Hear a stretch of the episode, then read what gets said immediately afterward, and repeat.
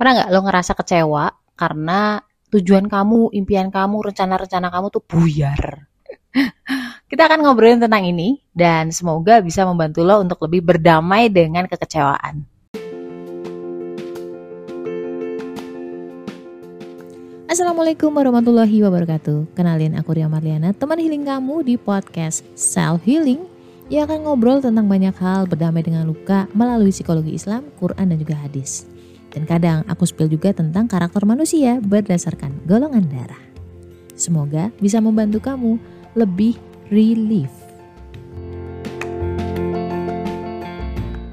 Jadi kita tuh selalu berpikir bahwa solusi itu harus dari kita, harus sesuai rencana-rencana kita gitu loh. Kan ada ya yang namanya manusia, tetap aja ada perasaan ingin mengendalikan, termasuk mengendalikan hidup dia.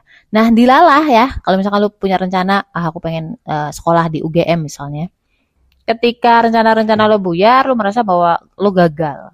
Nah itu yang bikin kamu stres, yang membuat kamu tuh marah. Gue jadi teringat salah satu teman ketika suaminya diberhentikan atau dirumahkan karena corona. Dia guru les. Gue inget banget ketika temanku tuh nanyain kerjaan, terus nanya gimana sih caranya buka bisnis, nanya gimana sih kalau uh, memulai usaha konseling atau apalah gitu. Dia juga pengen ngebantu suaminya kan.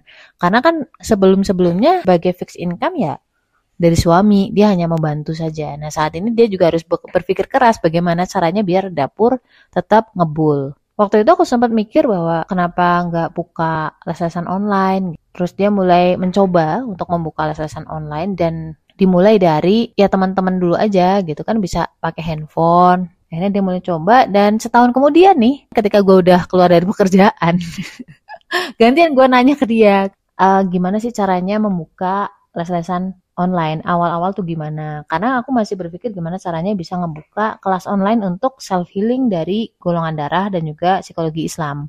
Yang sampai sekarang belum terlaksana. Udah udah udah ada konsepnya tapi memang marketnya belum belum ada gitu. Dia bilang dia cerita ya dulu awal-awal memang sulit terutama bagaimana menata hati. Tapi pada akhirnya eventually dia bisa menyadari bahwa wah ternyata ini hikmahnya. Justru karena suamiku di PHK, impianku bisa tercapai. Gue bingung kan, impian, impian apa gitu. Belum nyambung nih gitu, impiannya apa. Ya dulu gue tuh punya impian biar bisa bekerja bersama suami sekarang dia ngajar dari rumah online. Kadang ada orang yang datang diajarin offline. Jadi kayak orang-orang yang justru nyariin dia. Nah suaminya di rumah dia juga jualan online di rumah. Bisa nemenin anak-anaknya. Nggak ada yang lebih menyenangkan dibanding ini. Ini adalah impiannya dia dari dulu. Bekerja bareng suami. Ya ampun mimpimu tuh sederhana banget ya gitu. Aku nggak merendahkan mimpinya tapi bukan yang muluk-muluk bukan yang ego pribadi gitu enggak dia tuh bener-bener yang pengen bareng suami kan kalau misalkan mimpi lu pengen ke Jerman, lu pengen S2 di Belanda misalkan, itu kan sebenarnya mimpi yang itu buat diri lo sendiri gitu. Nah ini enggak, ini benar-benar yang dia tuh kayak dia sebagai istri yang baik gitu. Aku sempat, oh gitu berarti memang ada hikmahnya juga ya. Dia jawab lagi, iya kalau misalkan dulu nggak di PHK, mungkin kita nggak pernah kepikiran untuk membuka les-lesan online dan sekarang udah bisa sampai ke kelas offline. Ya ampun yang dulu kalian tuh sampai bingung, sampai sedih karena awalnya di PHK, endingnya indah banget. Skenario Allah tuh ternyata nggak disangka-sangka dan itu membuat lo kayak jauh lebih merasa terberkati dibanding dengan jalan yang disangka-sangka. Kalau solusi yang disangka-sangka itu adalah solusi dari lo, dari kita, ya, dari manusia, dari akal logika kita sendiri, ya kan? Nah, sementara solusi dari Allah di At-Tolak ayat 2 sampai 3 barang siapa yang bertakwa dan bertawakal kepada Allah, maka akan Allah cukupkan keperluannya dan akan dikasih jalan keluar yang nggak kita sangka. Gue punya satu contoh yang menurutku tuh agak nampol ya. nampol banget. Temen gue sales, dia resign di bulan, katakanlah dia resign di bulan Januari. Dia berpikir bahwa gaji terakhir adalah gaji Januari. Dilalah dia ada keperluan di luar budget di luar perkiraan lah. Dia sempat, ya Allah mudah-mudahan cukup. Di bulan Februari itu ada uang masuk. Dia bingung ini uang masuk gede, itu dari mana? Begitu di trace, ternyata itu tuh uang komisi dari kantor yang sebelumnya. Jadi itu seneng banget. Karena apa? Karena dia tidak menyangka bahwa ada transferan duit itu gitu. Yang dia tahu, yang dia tahu dari teman-temannya, dari rule-rule-nya, dari senior-seniornya, ya udah gaji terakhir adalah bulan Januari di saat lo resign dan komisi penjualan itu akan jadi milik perusahaan. jadi itu sangat menyenangkan dia karena nggak disangka-sangkanya itu loh. Relate kan? Oh jadi sebenarnya orang tuh merasa sangat bahagia ketika jalan keluar itu atau solusi itu dari hal yang nggak dia sangka-sangka. Bener-bener yang nggak kepikiran gitu.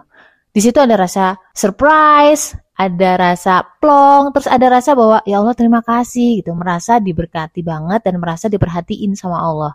Itu tuh rezeki banget loh, di luar uang yang tadi, di luar dari rezeki duniawi atau materi. Lu nggak akan bisa rasain kalau misalkan itu hanya dari plan kamu doang. Bayangin kalau misalkan dia udah tahu bahwa bulan Februari dia masih dapat komisi kan mungkin nggak akan se excited itu gitu loh. Buat kamu golongan darah B yang ingin tahu nih, kenapa ya kamu tuh susah mengingat nama, kurang peka, dibilang aneh, susah dapat pasangan? Gue ada ebook nih, Beauty in a Beast. Gue kasih previewnya cuma-cuma, tinggal klik link di bawah itu ya. Pertama, skenario Allah pasti yang terbaik. Walaupun sekarang mungkin kita belum paham, belum masuk logika kita. Tapi at the end, pasti lo akan bersyukur tentang itu. Lo akan bersyukur tentang kondisi lo saat ini.